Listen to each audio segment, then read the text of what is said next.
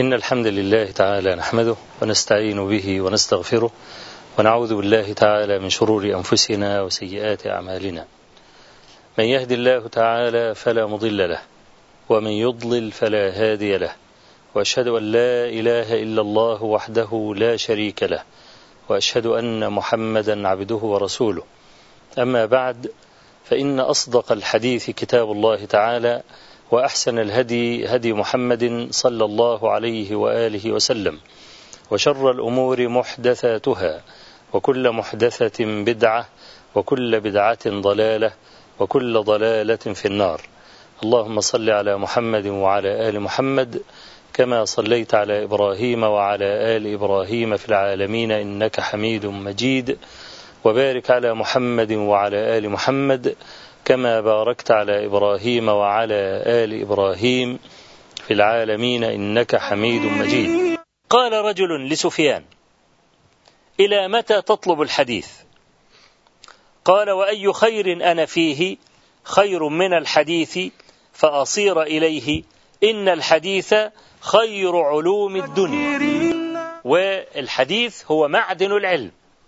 عشان كده اللي له اطلاع على الأحاديث ترى على تفسيره في القرآن من البهاء ما لا تراه على من يفسر القرآن باللغة وحدها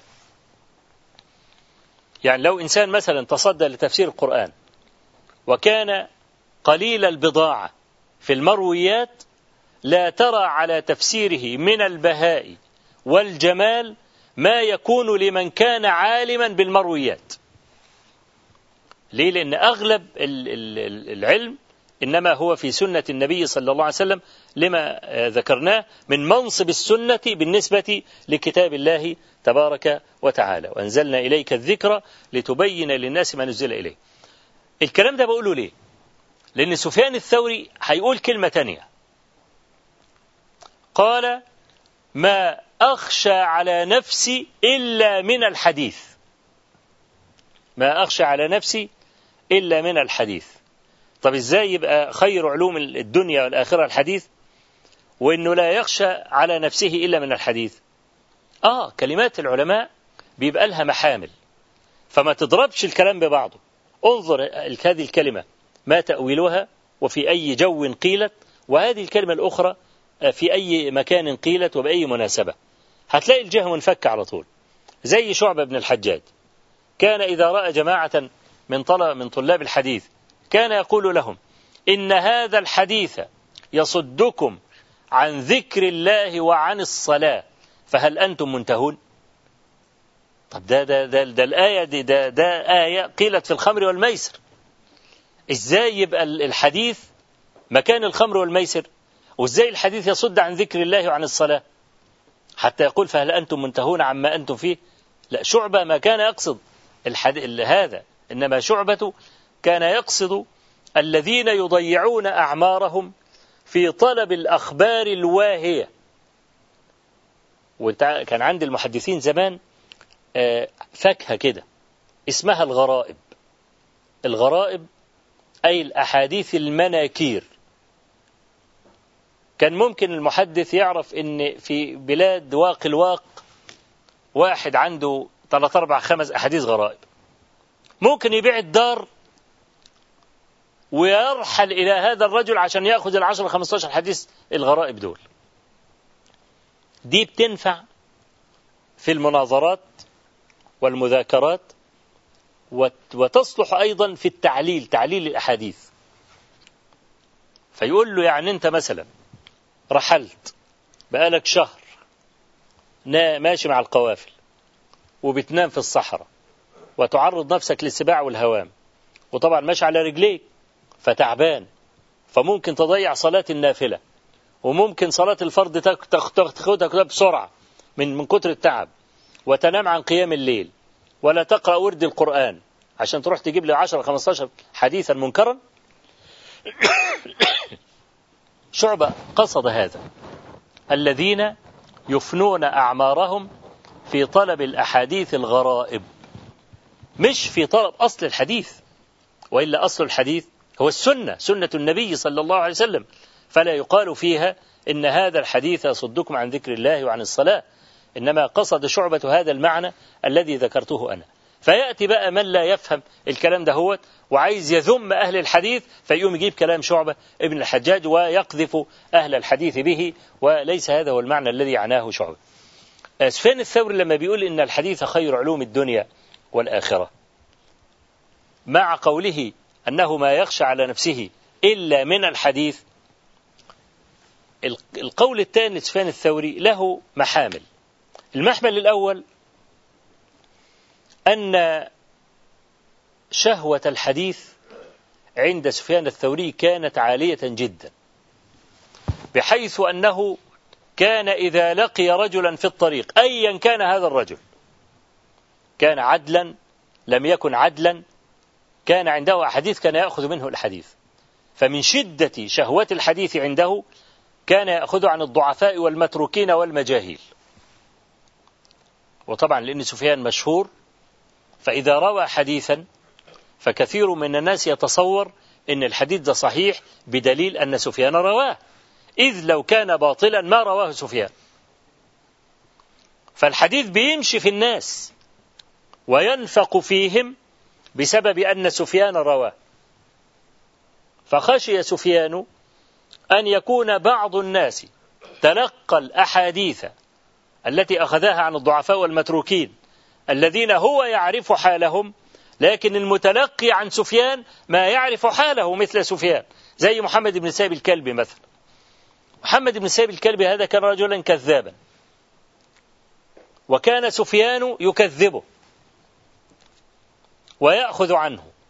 فقيل له في ذلك كيف تطرحه كيف تطرحه وتأخذ عنه؟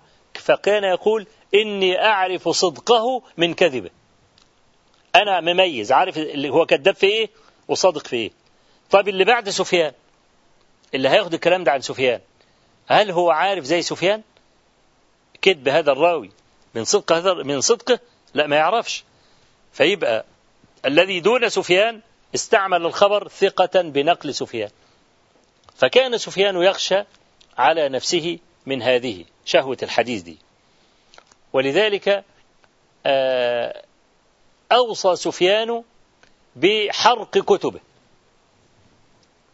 بحرق الكتب بتاعته ليه؟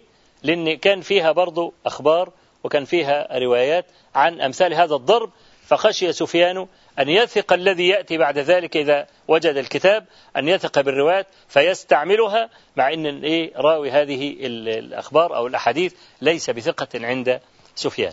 فكان يخشى من ذلك. المحمل الثاني الذي حمله أهل العلم من خشية سفيان خوفه من الحديث ألا يكون استعمل الحديث الذي وصل إليه. فيكثر حجج الله عليه.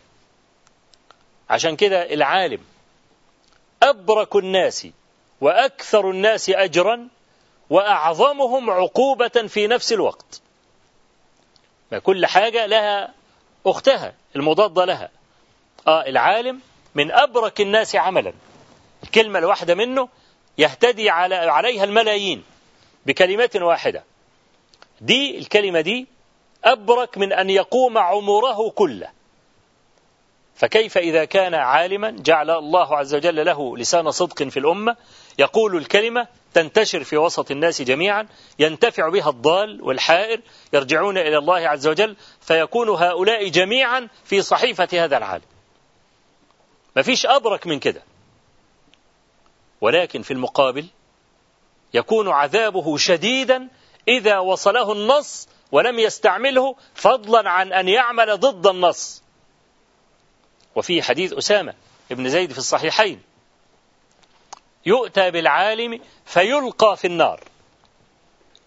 فتندلق أقتابه من دبره.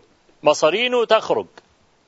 ويدور حولها كما يدور الحمار في الرحى. فيقول له أهل النار يا فلان أما كنت تأمرنا بالمعروف وتنهانا عن المنكر؟ يعني إيه اللي جابك هنا؟ فكان فقال لهم كنت آمركم بالمعروف ولا آتيه وآمركم وأنهاكم عن المنكر وآتيه.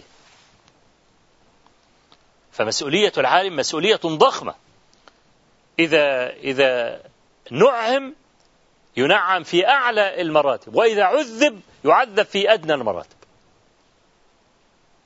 يبقى إذا خشية سفيان ألا يكون عمل ببعض ما وصل إليه من الحديث فيكون حجة عليه. لو كان جاهلا ربما كان أخف عليه من أن يكون عالما فأعرض أو خالف أو أهمل. يبقى إذا لما نجد كلاما لأهل العلم ظاهره التعارض أو ظاهره التضارب لابد أن نحمل كل كلام على معنى.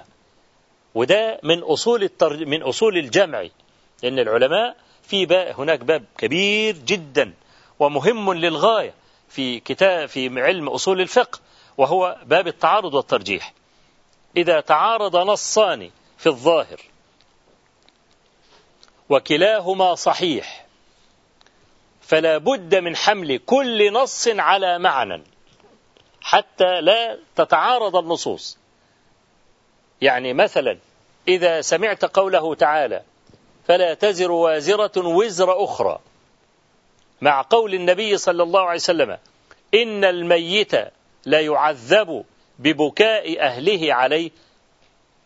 ما تقولش الاثنين متعارضين لأن الحديث صحيح وثم الآية هذه في كتاب الله عز وجل.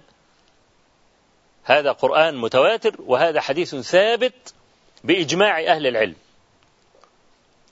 الآية تقول ولا تزر وازرة وزر أخرى.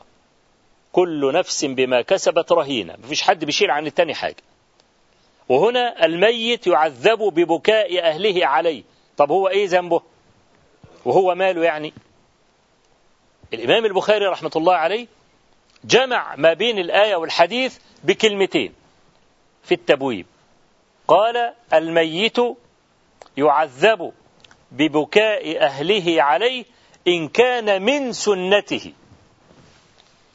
إن كان من سنته أي إن أوصى بذلك. فإن أوصى بذلك كان من جملة عمله. فيقوم يحاسب عليه بقى. إذا قال إنه إنهم يبكوا علي صرخوا علي اعملوا علي كذا قبل ما أدخل الجبانة اذبحوا عجل تحت النعش الكلام اللي بيحصل وبنشوفه يعني بكل أسف في بعض المرات. كل هذا من المحرمات. ولا يجوز. فإذا كان هذا من سنته فهذا من جملة عمله. يبقى يوم يؤاخذ عليه. إذا أصبح لا تعارض. يبقى أنا عندي بقى إذا تعارض نصان ببص بقى لأوجه الجمع الأول. أجمع ما بين النصوص. عجزت عن الجمع ما يبقى إلا الترجيح ما بينها. الترجيح أيضا له ضوابط وله قواعد. الجمع له أصول والترجيح أيضا له أصول. يبقى أنا لما أقف على كلام متعارض سواء كان في نصوص الوحي أو كان في كلام العلماء بشرط الثبوت. ها؟ يعني لو في قول غير ثابت وقول آخر ثابت يبقى ما أنا ما لا أعني نفسي. ما تعبش روحي وأقعد أجمع ما بينهم الاثنين لا غير الثابت ألقي به. إنما بنشترط الثبوت في الحالتين. هذا ثابت وهذا ثابت. إذا أنا حبيت بقى أن أنا أفهم وجه الجمع ما بينهما يبقى لابد أن أنظر في آه، مبحث التعارض والترجيح أو الجمع والترجيح عند أهل العلم في هذا الكتاب. يبقى إذن بحمد الله تعالى لما نقرأ خوف سفيان من الحديث أو نهي سفيان الطلبة عن طلب الحديث مع قوله إن الحديث هو خير علوم الدنيا يبقى نفهم إن ما فيش تعارض ما بينهما للعلة التي ذكرتها آنفا. وللحديث بقية إن شاء الله تبارك وتعالى مع ترجمة سفيان ومع كلامه الطيب العاطر ونستقبل ذلك إن شاء الله عز وجل فيما يأتينا من الأيام. إن قدر الله أن نلتقي بكم مرة أخرى. والله تبارك وتعالى أسأل أن يجعل ما قلته لكم وما سمعتموه مني زادا إلى حسن المصير إليه وعتادا إلى يمن القدوم عليه إنه بكل جميل كفيل وهو حسبنا ونعم الوكيل وصلى الله وسلم وبارك على نبينا محمد والحمد لله رب العالمين